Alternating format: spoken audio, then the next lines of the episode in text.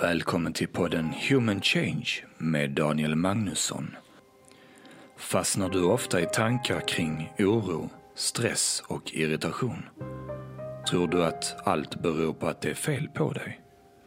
Då vill jag välkomna dig till podden som guidar dig till förståelse om hur vi människor fungerar egentligen. Genom denna förståelse kan vi leva ett liv fullt av kärlek och harmoni. Ditt ljus och hopp när allt verkar mörkt och hopplöst. Så låt nu Daniel guida dig till den stillhet vi alla letar efter.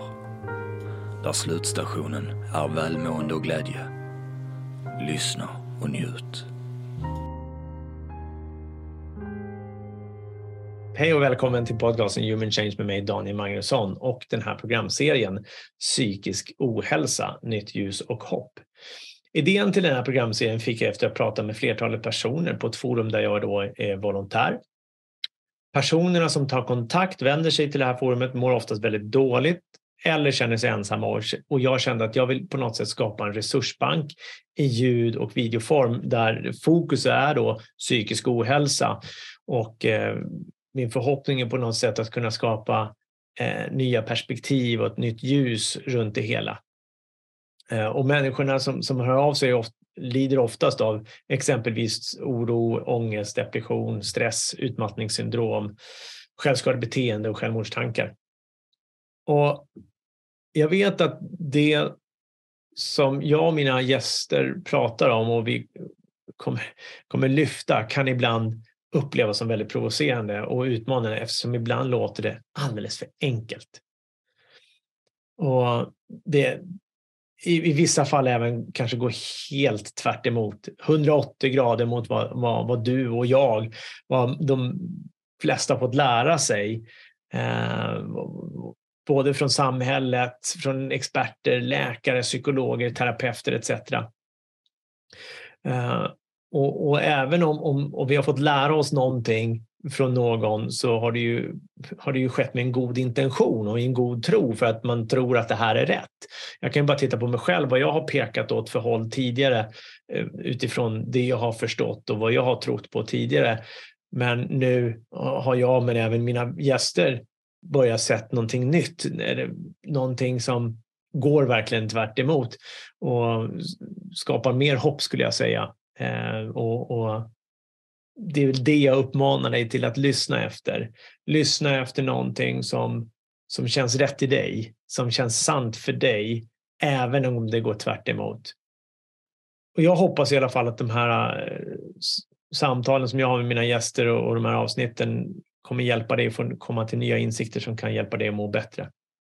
Och är det så att du tar mediciner idag och du får så pass stora insikter att du känner att du kanske vill sluta helt eller minska intaget så vill jag verkligen uppmana att du gör det i samråd med din läkare. Eh, att göra på egen hand kan skapa allvarliga komplikationer och syftet handlar inte om att ta medicin eller inte ta medicin utan det handlar om att hjälpa dig som lyssnar att eh, må bättre, att sprida ett ljus och hopp ett nytt ljus och hopp runt psykisk ohälsa så att vi kan landa i psykisk hälsa.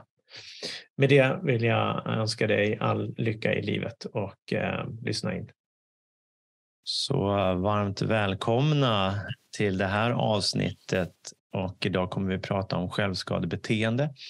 Och eh, jag har med mig då Dennis Westman och sen även Sandra som egentligen heter någonting annat men eh, har valt att vara anonym och känner att eh, hon vill dela med sig av, av sin historia och det. Så, och det är otroligt beundransvärt och väldigt tacksamt. Eh, välkomna båda två. Tack så mycket. Tack så mycket.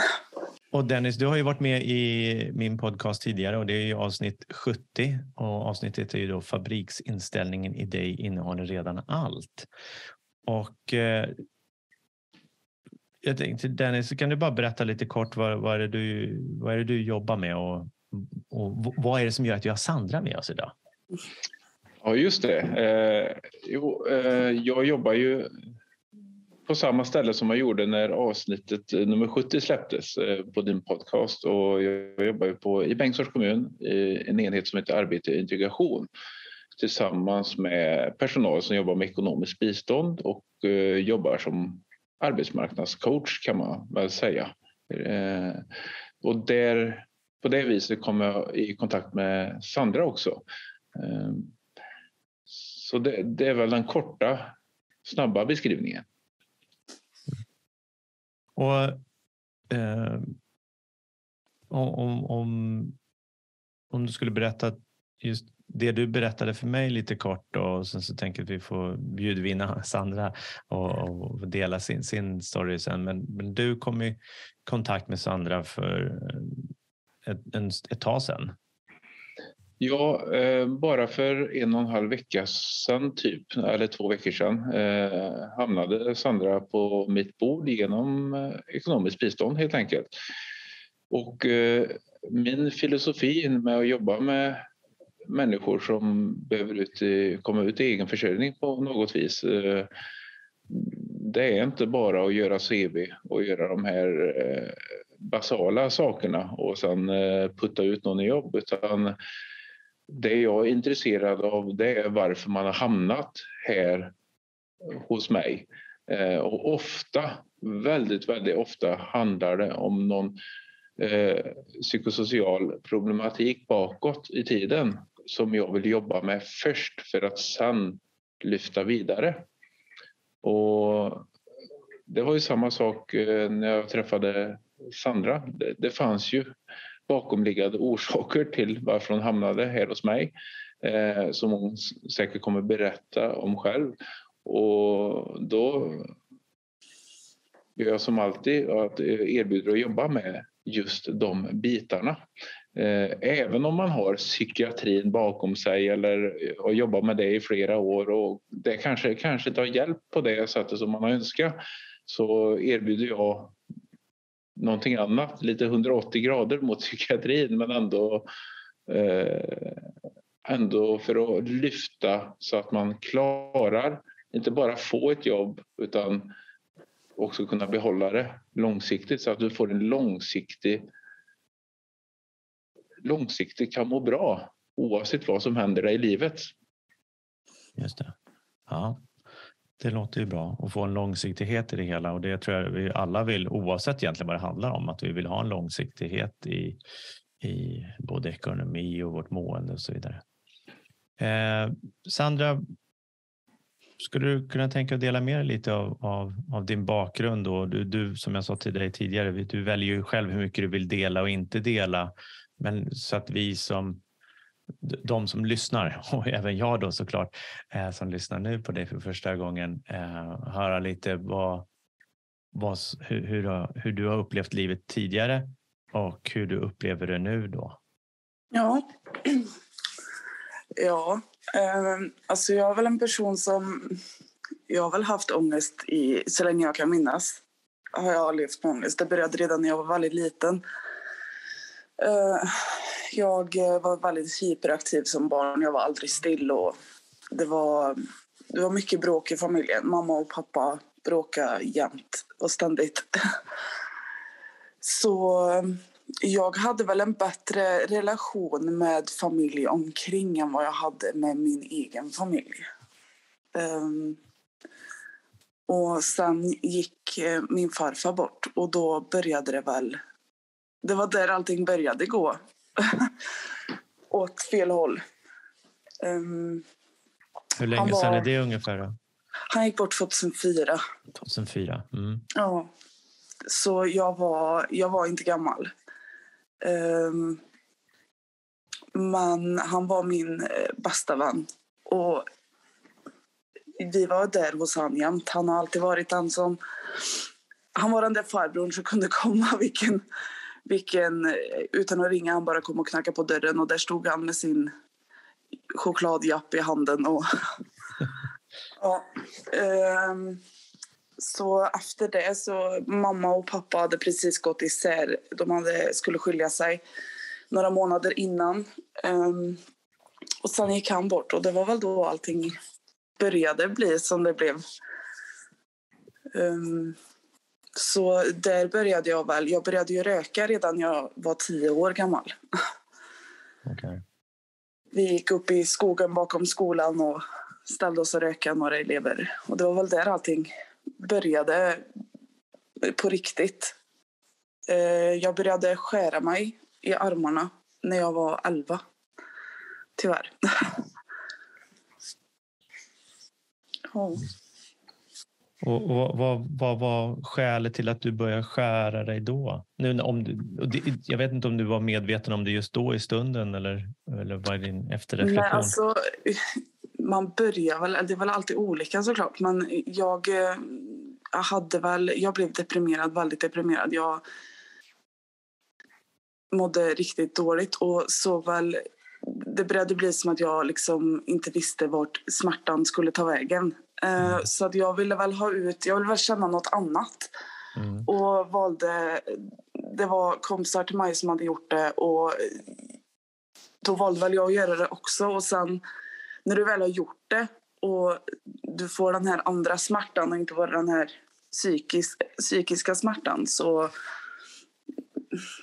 det blir som ett, alltså när du har gjort det tillräckligt många gånger så blir det som ett beroende till slut. Att du, du vill bara känna något annat än smärtan inne i kroppen. Så att om du får en smärta utanpå kroppen så bara för en kort sekund så tycker du själv att du är värt det. Mm. Just det. Så, så, att, så att ditt egna fokus på något sätt förflyttas och, ja, och det byter, byter smärta egentligen nästan. Ja. Mm. Sen, ja, det pågick väl i typ ett, ja, i typ ett år. Eh, sen började jag ju på Bengtsgården istället. Eh, från sjuan till nian. Och där blev det väl... Det, jag hade ju något år där som det var bra, hyfsat bra i alla fall. Eh, men när jag började Bengtsgården så blev allting sämre igen. Jag eh, blev mer deprimerad. Jag fick anorexia. Eh, jag eh, fick mer ångest, blev, fick depressionstabletter. Jag gick hos doktorer hela tiden för att jag vägde så lite. Så jag var tvungen att få, så här, jag vet inte, typ som någon som inte riktigt är så insatt i anorexia vet väl inte riktigt vad det är. Men det är som de här typ shakerna du dricker som du kan köpa mm. när du vill gå ner i vikt. Bara att det här är för att du ska gå upp i vikt. Um, och jag var hos psykologer och jag, det var mycket. Um, och då började jag skära mig igen. För att få samma känsla. Mm. Uh, jag rök jag rökte ju också väldigt mycket. Jag rökte två paket cigg om dagen. Um, ja, jag drack alkohol varann, varje helg. Uh, jag var liksom inte... Jag ska inte säga att jag var alkoholist eller att jag hade ett problem men jag drack väldigt mycket var, nästan varje helg för att bli av och tänka på annat. Så ja, mm. Det höll väl på fram tills jag var, åh gud, 15 kanske. Mm. Och, när, när, började, när, när började anorexian då ungefär? När jag var 13. Var, var 13, ja, så ja. två års tid ungefär. Just det ja. skedet som du berättar om nu då? Ja, ja alltså jag, jag är ganska lång för att vara tjej. Eh, så att eh, jag är 1,75 eh, och jag vägde Alltså jag kommer inte ihåg exakt vad jag vägde, men jag tror det var 65 eller nåt.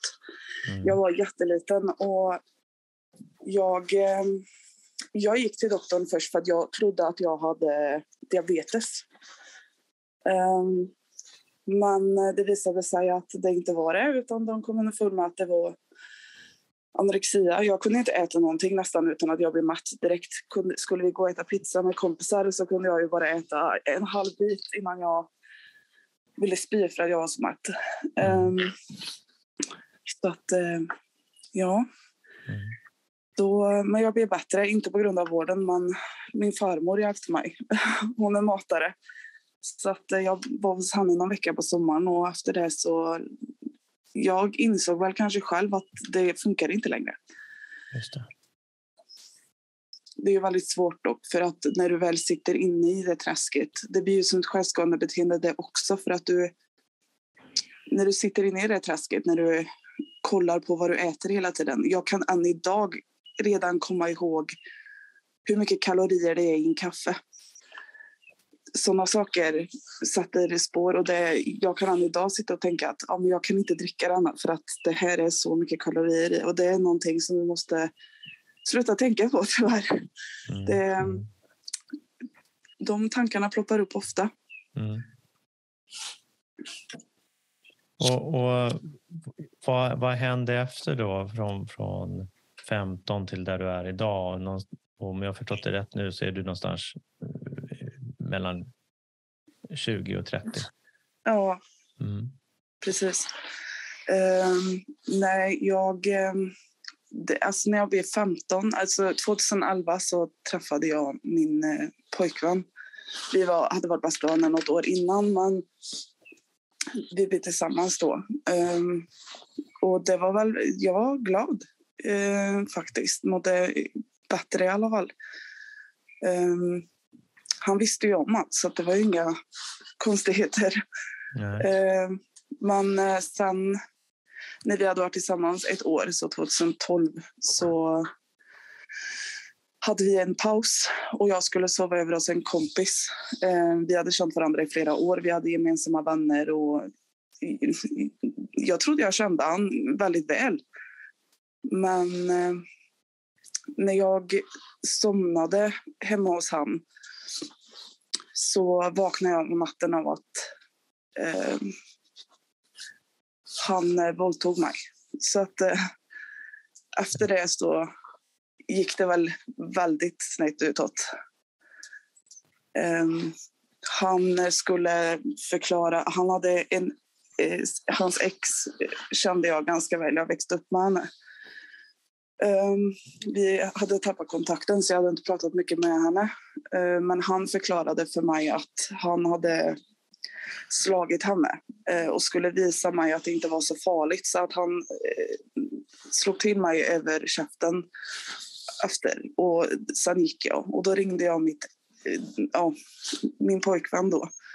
Um, och jag bara grät. Jag kunde inte förklara för honom vad det var som hade hänt för jag skämdes otroligt mycket. Um, och då började det väl med, då började jag skära igen. Men då hade det varit en kortare period. Då var det bara någon månad innan jag slutade. Men jag mådde inte bättre. Jag har inte, gud, det är inte förrän nu som jag har mått bra igen. Nej. Och, och har det varit fram och tillbaka sen, sen dess också? Nej, efter Mm. det, efter det så har jag inte... Jag röker fortfarande, men jag eh, har inte skärpt mig. Jag har, eh, det är bara rökningen jag har kvar, annars så är det borta. Mm, mm. Det är ju- Vilket jag är väldigt tacksam för. Ja, verkligen. verkligen. Eh, och och vad, vad har du under den här tiden då? Vad, vad har du fått för hjälp och liksom från, Och från samhället? gud, ja. Jag gick ju till psykolog fyra år efter eh, som det hände. Eh, det var som att min hjärna liksom... Jag ville inte inse vad det var som egentligen hade hänt. Efter den kvällen jag grät så var det som att det hade inte hänt. Jag ville liksom inte erkänna för mig själv eller någon annan vad som egentligen hade hänt. Även om min pojkvän fattade vad det var som hade hänt. Mm, Eh, Jag ville inte anmäla, jag, vill, jag ville inte göra någonting. Jag ville bara inte komma ihåg, jag ville bara glömma. Eh, och då kom jag till, till slut till en kurator i Bengtsfors som, eh, på eh, läkarvården som skickade mig vidare för jag ville få en utredning för ADHD. Men när jag kom in i Bäckefors så fick jag träffa en kille som eh, han såg på mig direkt efter jag hade gjort utredning och skulle få mina diagnoser att det är någonting annat som vi behöver jobba på först. Eh, så då blev jag diagnostiserad med PTSD. Eh, så då blev det ju traumaträning och KBT-timmar och ja, tabletter igen och ja, Mm. ångesttabletter fick jag. Eh, för jag ja. fick väldigt klåda av ångest och stress. Och, ja, så då fick jag ångesttabletter. Så efter det så har jag gått på det. Men eh, annars så var det KBT-timmar och traumaträning mest. Just det. Och prata, såklart. Ja. Och när du säger prata, vad, vad, vad innebar det här i det fallet då? Vi pratade om vad som hade hänt och hur jag haft det och mer, in, alltså mer inriktat då, eh, på hur, vad, händelser i mitt liv och vad jag har gått igenom och de som har gräva i såren. Ja. Just det. Det var hemskt för att det känns som du går igenom det varje gång igen. Det, ja, Mm. mig hjälpte det inte. Nej. Nej. Ja, tack, tack snälla Sandra för att du har delat med dig så eh, öppet och, och sårbart. Ehm, och vad, vad är det då som har hänt senaste typ en och en halv veckan ungefär? Ja, alltså jag fick ju eh, träffa, eh, innan jag sökte eh, ekonomiskt bistånd så fick jag ju träffa en som ville kolla, de kollar alltid situationer, vad du sitter i för situation och sånt innan eh, du får godkänt. Mm. Och eh, då skickade hon mig till Dennis eh, och Pelle. Och Dennis skickade mig en video med Dennis Westerberg, heter han väl? Mm. Ehm, och det förklarades så logiskt egentligen vad, vad man egentligen behöver. Och jag, det var som att jag vaknade upp helt plötsligt att, och insåg att jag behöver kanske inte må så här. Um, och när jag väl började där så började jag eh, lyssna på hans böcker och läsa mig in mer i det, lyssna på deras podcast. Och det, ja, det är som att vakna upp helt enkelt. Du, jag insåg väl att jag, för jag fick, när jag fick min PTSD och mina diagnoser och sånt så fick jag alltid höra att du kommer aldrig bli frisk. Du kommer Mm. få leva med detta i resten av ditt liv. Och det var, för någon som redan mår dåligt och får höra det så är det väldigt jobbigt att få veta att det här kommer jag leva med alltid. Ehm, men när jag lyssnade på detta så insåg jag att det kanske inte behöver vara så. Och då blev jag helt plötsligt väldigt motiverad igen. Ehm, Mm. Och nu, det har hänt mycket. När man verkligen fattar vad de pratar om så då händer det mycket. Ja, jag, jag tänker så spontant om, om, man får, om man mår som, som du gjorde då så får man då höra precis som du sa. Det, här kommer du få leva med resten av livet. Det det är ju verkligen långt ifrån hoppfullt. Ja, verkligen. Eh, det, ja, eh, så fruktansvärt att höra såklart. Och, och jag, jag vill poängtera också i, i det här och jag som jag även poängterar i, i introduktionen inför de här avsnitten är just att allt som, som, som läkare och terapeuter och allting som experter eller samhället det görs ju någonstans oskyldigt, tänker jag, utifrån den nivå man själv förstår eller tror att någonting är. Är vi lärda att så här är det eh, och vi tror och köper in på det så, så, så delas ju den informationen vidare oskyldigt. För, för vet man det som du i det här fallet och Sandra vet nu så, eh, så skulle de ju såklart lägga fram det på ett annat sätt. Ja, alltså man blir ganska... Jag, jag, som jag sa till Dennis när han frågade hur jag kände efteråt, man, man, man blir väldigt arg. För att Ja. du förstår att jag hade inte behövt att må så här. Nej, nej. precis. För, för, och, och, och- där blir det ju också väldigt tydligt, och det, det, det kan jag förstå. Att Ja. Jag förstår det till 100 procent. Men varför är det ingen som har sagt någonting? Och det finns en bok Ja. med ehm, eh, Jack Pransky. Eh, Somebody should have told us, eller någonting så heter Mm. den. Ehm, och, och, men det, det handlar ju om att också att det är ju ingen som kan tala om någonting om man inte vet om det. Ehm, så, så att, och, och den här, det du har sett nu är ju på något sätt är det lite nytt inom, som jag brukar säga, det, det sker ett paradigmskifte inom psykologin. Ehm, Mm. inte, inte den mänskliga psykologin här sinnet, utan den är detsamma, men det är mer hur man praktiserar eh, läkande och, och te- terapi också Mm. för den delen.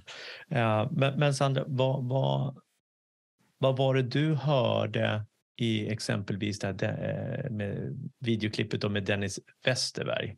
Eh, Mm. jag tänker också jag ska bara informera de som lyssnar att oj, det här vill jag veta vad det är för videoklipp och jag kommer lägga en länk i det i, i avsnittet också. Eh, men, men vad var det du hörde där som slog an och var sant för dig, som gav hopp? Ja, alltså det var när han i sitt klipp förklarar att det finns bara nu. Det finns ingen framtid, det finns ingen dåtid, utan det, det är bara nu. Allt annat är bara tankar som vi är, är rädda för eller som gör att vi får stress, och oro och ångest och sånt. Och det, var väl en, det hjälpte mig ju väldigt mycket att veta att Alltså för mig då som har PTSD så får du ju väldigt ofta flashbacks som vi kallar det. Att du lever dig tillbaka till den stunden allting hände, det traumat. Mm. Och att få höra att det finns inte, utan det är bara dina tankar som gör att du upplever allt igen var ju... Det var väl det som fick mig att, börja förstå att jag behöver inte må så dåligt om jag, inte, om jag bara vet att det bara är tankar som, jag, som illusioner som gör att jag mår så dåligt.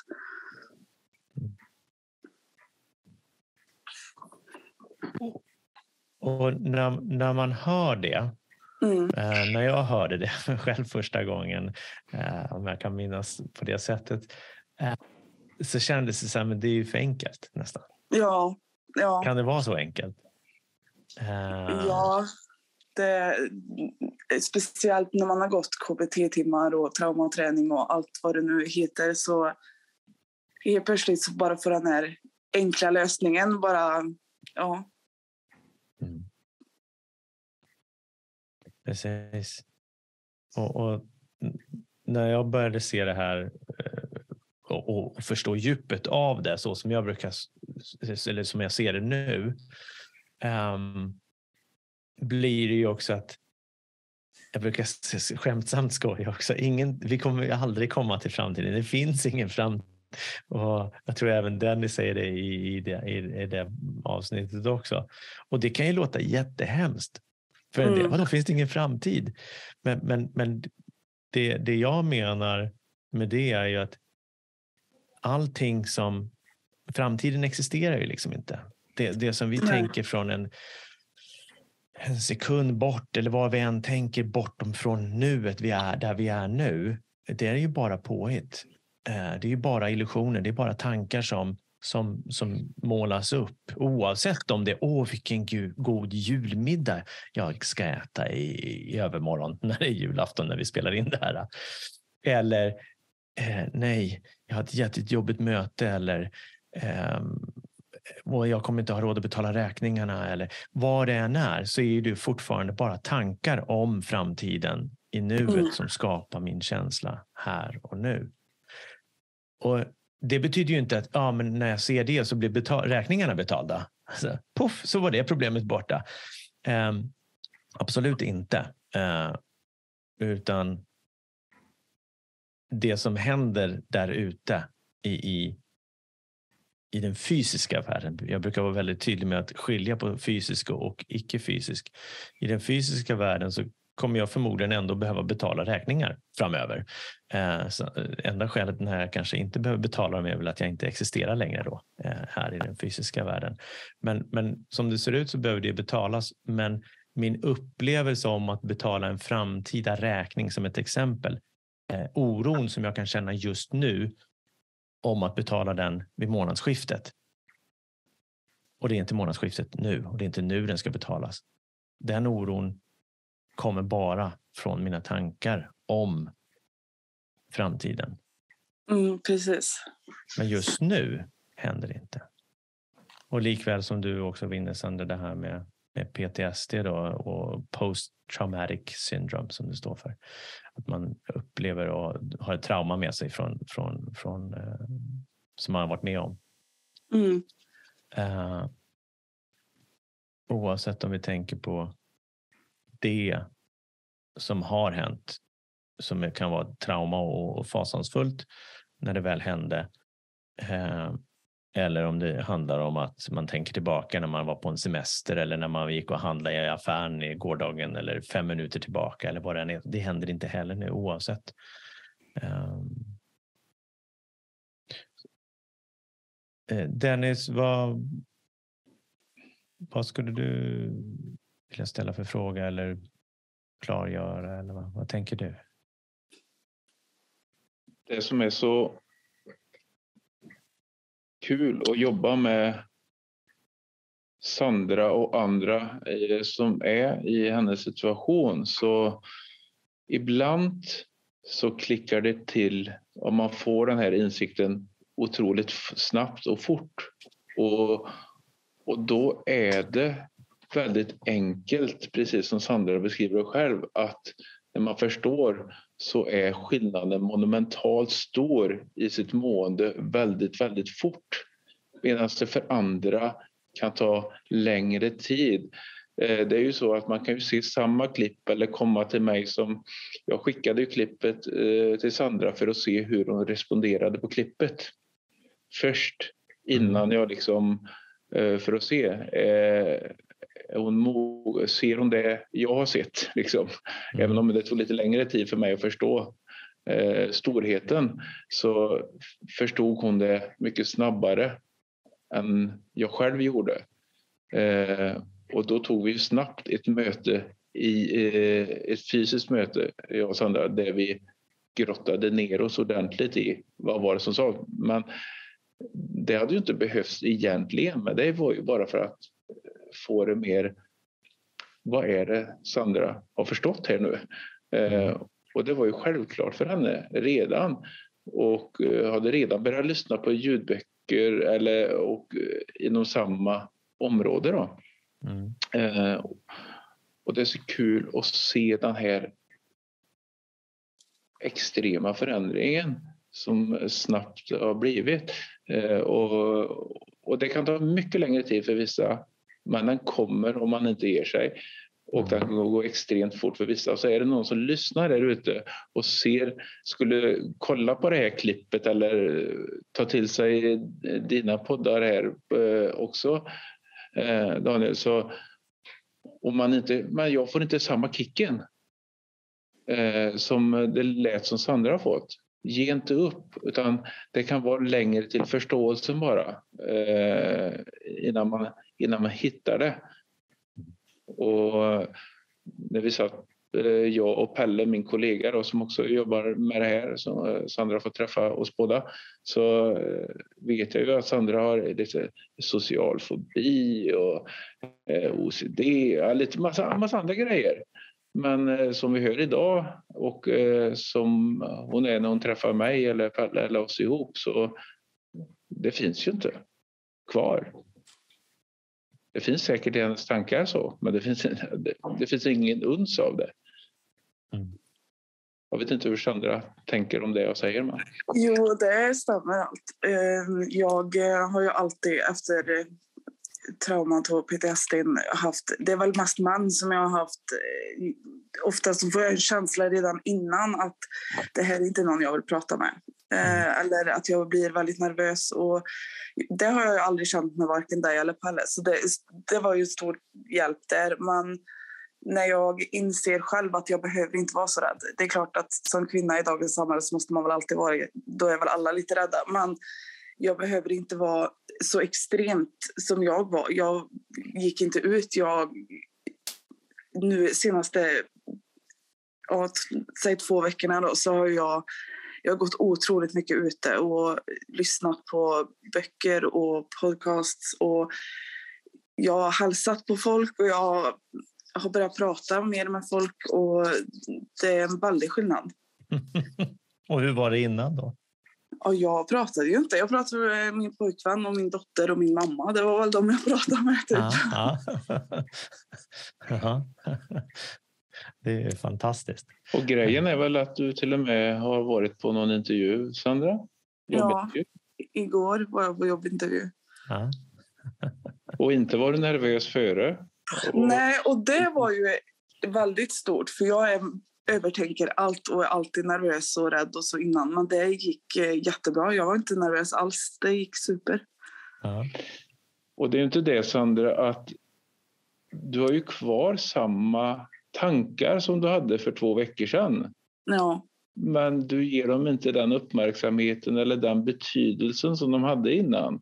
Där Mm. de skapade en sån eh, trauma och ångest och depression och allt det som du har ju kvar det. Du är ju samma person, fysiska person, samma tankar kommer ju flöda hos dig. Men de betyder inte samma sak. Nej, precis. Och, och vad är det som gör att de inte betyder samma sak då för dig, Sandra? Alltså jag, jag vet att de finns där, men jag lägger liksom inte tid på dem. Jag uppmärksammar dem inte på samma sätt. Innan så kunde jag ju sitta i timmar med en och samma tanke att, åh gud, och stressa upp mig oerhört mycket. Mm. Mm, Men nu vet jag att de bara finns där. Jag behöver liksom inte uppmärksamma dem på samma sätt och behöver inte gräva mig in i dem djupare än så, utan jag vet att det finns där. Och det räcker så. Och det är väl inte så, Sandra, att eh, varken jag eller min kollega Pelle har sagt att du ska tänka på något annorlunda sätt eller tänka positivt eller tänka bort dina tankar. Nej, absolut inte. Nej. Nej, och det är bra att det lyfts, för det är lätt att höra det. Okej, så jag ska bara tänka positiva tankar. Ja. Ja. det vore väl jätteskönt. Lycka till då, brukar jag säga och så skrattar jag. För det går ju inte. Nej. Eh, Så, så det som gör den stora skillnaden här är ju att... Har du några tekniker, Sandra, för det här? Nej. Det Nej. kom automatiskt bara. Ja. När jag väl förstod, när jag väl förstod vad det var det handlade om. När jag väl, det, det bara sker av sig själv. Det är ingenting som du behöver göra.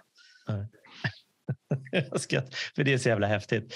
Eh, och, och, och, och lyssnar man på det här, och jag vet själv hur jag var, för jag har gått på alla möjliga kurser, läst böcker, sprungit på glödande kol i, i London och slagit mig på bröstet och skrikit yes och jag ska försöka liksom boosta mig själv. Och jag hade till och med en Facebookgrupp, som, eller den existerar fortfarande, men den är typ död för det händer ingenting, som heter PMA, Positive Mental Attitude. Eh, och det är väl jättebra. Det ska jag ju poängtera att, att det är jättebra att positiv, och liksom, ha positiva tankar, självklart. Men, men det är inte det det handlar om och det handlar inte om en teknik utan det handlar ju om en, en förståelse och det är precis det som har hänt i ditt fall här Sandra. Den här insikten som och nu, nu så jag förklarar och du får jättegärna rätta mig om jag har fel här Sandra, om du ser på ett annat sätt. Men en, att du får en insikt som hjälper dig att förstå hur ditt mentala psykologiska system fungerar. Att tankar kommer och går, de flödar. Ingen av tankarna är en verklighet i sig. Utan det är förslag på en, jag brukar säga, jag börjar använda senast, det blir som ett förslag, en tolkning.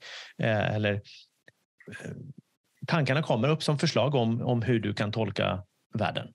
Ja, det här är jobbigt. Jaha, okej, ja, Mm. men det är jobbigt. Eller det här, men egentligen kanske tanken skulle då omforma, det här skulle kunna vara jobbigt, men det är inte så den kommer till oss. Det här är jobbigt och så slår vi på lite känsla samtidigt också. Jo, men det upplever jag nu. Eh, och, och just att det blir ju också väldigt tvärt emot vad vi får lära oss i, i olika eh, forum där liksom att det handlar mycket om teknik och man ska göra massor med saker. Medan du säger så här, men jag behöver inte ens göra någonting. Det är bara, Nej. jag, jag fattar. De dyker upp gissar jag, de här tankarna som du sa. Men du låter dem bara vara. Mm. Precis. Jag blir alldeles rörd och lycklig att höra. det är så häftigt. Och jag är så glad för din skull, Sandra. Ja, det har varit eh, otroligt skönt. Jag eh, har... Jag eh, behöver liksom inte ta mina ångesttabletter på samma sätt längre. Och jag, eh, jag blir trött av normalt nu. Jag kunde liksom inte sova innan. Och jag kan, så det, för mig är det väldigt skönt. Mm. Mm. Säkert andra runt omkring mig också. Ja, ja precis. Vad, vad har du fått? Och eh, innan vi går vidare till det, för det skulle vara intressant att höra liksom hur andra upplever dig. Men jag tänker just, du sa att du inte tar lika mycket ångesttabletter och då vill jag poängtera till de som lyssnar eh, och jag säger det i intron också. Det handlar inte om att ta eller inte ta. Och är det så att man, man får insikter som du i det här fallet, Sandra, prata med din läkare så man liksom inte bara, nej men nu Mm. kastar jag alltid i toaletten och spolar bort det. Det ska man inte heller göra medicin sägs det. Men, Nej, men du lämnar in allting. Liksom. Jag Förlåt, går fortfarande på mina. Jag Ja. går fortfarande på mina. Det är bara att jag inte behöver dem på samma sätt längre. Nej, Utan precis. att jag, Exakt, för, för det, det, det, man ska ju också vara medveten om att, att eh, göra ett, ett tvärt avbrott av, av mediciner eh, av, av den här karaktären är ju, kan, kan få väldigt mycket eh, ja, komplikationer, så kan man väl Ja, säga för precis. att hålla det stort. Eh, och så, så eh, känner man att det blir intressant så ska man ju prata med sin läkare om det för att i så fall minska ner för att sedan sluta i så, i så fall. Eh, men, men vad har du känt eller vad, vad upplever din omgivning för, för förändring då? ja, alltså, eh, jag och min pojkvän har flyttat isär man, eh, för några månader sedan. Och, Mm. Men vi träffas ju fortfarande, vi är fortfarande tillsammans och vi har barn ihop. Så att, eh, Mm. Och han, han blev väl mest förvånad, för jag är en väldigt negativ människa annars. Eh, Men helt plötsligt är jag väldigt positiv. Ja. Och jag eh, var liksom taggad för att få ett jobb och börja plugga och så. Och det har liksom aldrig hänt innan. Så att han, Nej. han stannade väl till och med upp och bara väldigt var positiv. Han tyckte det liksom det var, ja, han såg en enorm skillnad. Han nämnde det senast igår kväll att eh, det, är liksom, det är som att jag helt plötsligt har, det har hänt mycket i alla fall. Att han, Mm. Han ser att det har, jag har förändrats. Mm. Mm. Och, och, och, och, och samtidigt är det samma Sandra där. Ja, precis. Du, men, men, men, men, men hur, som jag brukar säga, hur vi dyker upp eller hur vi, hur vi är i, i, i, världen av form och om jag ska vara väldigt tydlig. Eh, och hur vi även är, är, tänker och är annorlunda. Men Ja. du är ju fortfarande där. Ja. Ja. Och så tänker jag också på, du sa så här, ja, jag är ju en sån här som är nervös och så vidare. Ja, eller så är inte det du, utan du kanske hade det beteendet tidigare. Ja, precis. poängtera. För, det, för om du nu skulle vara det, då skulle du även varit nervös för int- jobbintervjun igår. Mm. Mm. Men det var du inte. Nej, det gick eh, väldigt bra. Förvånansvärt bra. Det var då jag själv märkte verkligen skillnad. Exakt. Ja. Och- jag är inte dugg förvånad att det gick bra som har träffat dig nu ett par gånger. Så, och sen eh, när vi träffades Sandra, då pratade vi mycket om det här med att du har allting inom dig redan du föddes. Vi pratade ju om barnasinnet eh, kontra vansinne. Och Ja. eh, vi föds eh, med ungefär samma förutsättningar allihopa rent eh, rent kroppsligt och hjärna. Vi har en hjärna, vi har en kropp och vi har ett liv. Och eh, sen händer det ju saker i livet och det, det som börjar eh, lysa igenom hos dig nu mm, upplever jag det är ju att du är tillbaka till, där, till det barnasinnet du föddes med så att säga. Och då, då blir det lättare att leva också. Ja, Och vi tog väl lite jämförelsen det här med och vad verkliga drömmar kan vara på natten när man drömmer. De är så Mm. verkliga att man nästan vaknar och så säger man oj, det har vi pratat om förut Daniel också, att eh, oj, det var tur det var bara en dröm. Eh, Medan vi är vakna då, då är det verkligheten men eh, jag vill ju kalla det att vi går och dagdrömmer, att det är illusioner av att vi skapar vår egen verklighet utifrån vad vi tänker för stunden och sådär. Så, men du har redan förstått allt det här och jag önskar bara med den här videon att, och ljud- ljudet som kommer till det här ut i etern att fler ska få samma upplevelse som du. ja verkligen.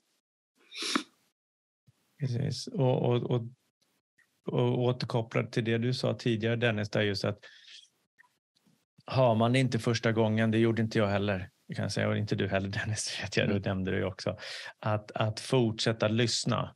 Eh, och, och det är det jag också hoppas i det här fallet med, med din fantastiska berättelse Sandra, hur, hur, hur, hur bra det faktiskt kan bli när, man väl, när det väl klickar.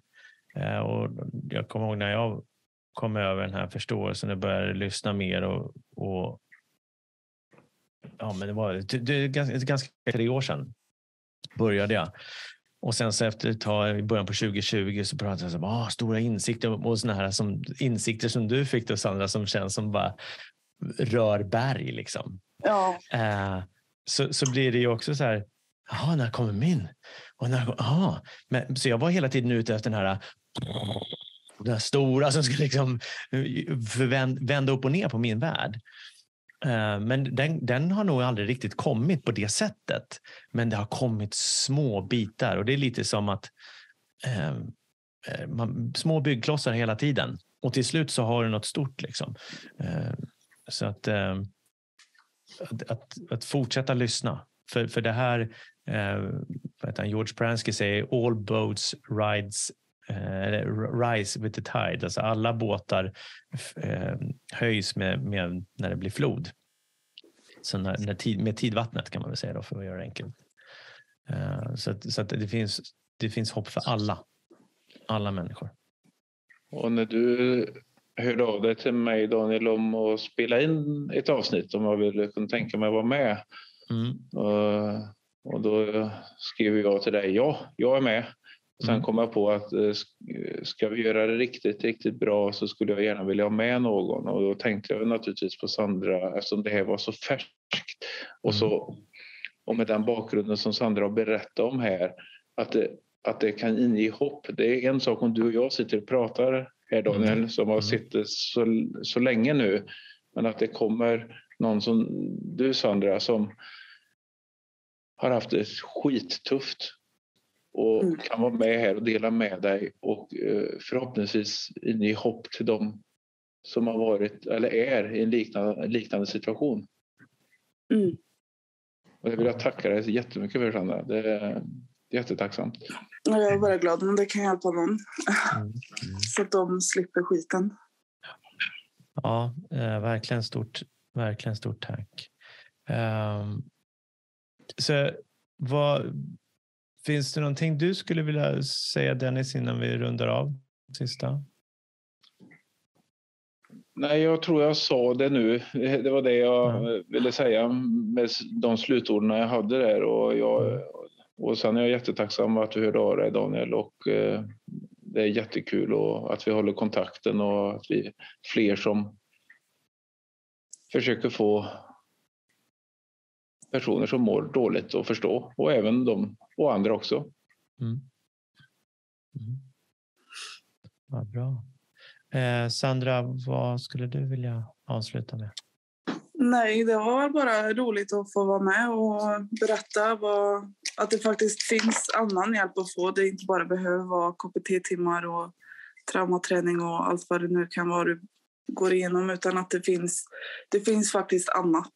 Och mm det finns hjälpen att få och att man, att man inte är ensam. Det är också väldigt viktigt att veta att man, man kan känna sig väldigt, väldigt ensam i de stunderna. Mm. Det kan vara skönt att höra det från någon som vet vad de pratar om. Mm, mm. Verkligen. Verkligen. Eh, med det så, så tackar jag dig Sandra så otroligt mycket. Jag tänkte säga hemskt, men varför ska jag säga hemskt? Men, mm. tackar dig så otroligt mycket för att du har så eh, ärligt och öppet delat med dig av din historia och både historien så vi har fått en bild om, om vad du har varit med om, hur du har varit innan, men också vad, hur det är nu och vad, vad du har sett som, som har hjälpt dig. Mm. Um, och, och jag, jag, är säker på att det, Eh, om, om det inte har gett insikter idag så hoppas jag verkligen att det har väckt en nyfikenhet för människor att, att fortsätta titta i den här riktningen eh, som, som, förklarar liksom att, att hur, hur, vi fungerar, att, att det är våra tankar som, som skapar vår verklighet stund till stund och att alla tankarna är som förslag på hur vi skulle kunna välja att tolka vår situation. Um, och Dennis, tack eh, även till dig att du eh, tackade ja och även bjöd med San, Sandra som, som gladeligen då som tydligen har social fobi hoppar in i det här också. Så att det är helt underbart. Eh, och jag eh, önskar er alla eh, all lycka i världen och likaså till dig som lyssnar eller tittar på det här. Tack. Tack. Tack. Tack för att du har lyssnat på det här avsnittet. Är det så att du uppskattar den här podcasten så får du självklart dela den vidare till dem du tänker kan ha ett behov av att lyssna på den. Det finns också en möjlighet för dig att boka in sig på ett kostnadsfritt coachingsamtal med mig. Det finns inga förbehåll att du måste ha tankar om att bli coachad, utan du kanske har en frågeställning bara så här, det här skulle vara intressant att bolla med Daniel.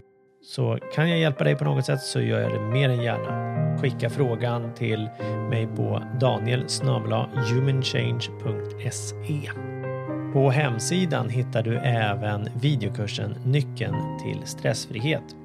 Det är en videokurs som jag tillsammans med Angelica Almqvist har skapat och det är ett program då för dig som vill ha ett stressfriare liv. Och några vanliga effekter som man kan se eh, efter den här är då minskad stress, oro, frustration och psykisk ohälsa, ett ökat lugn, välbefinnande, sinnesro med mera. Tack!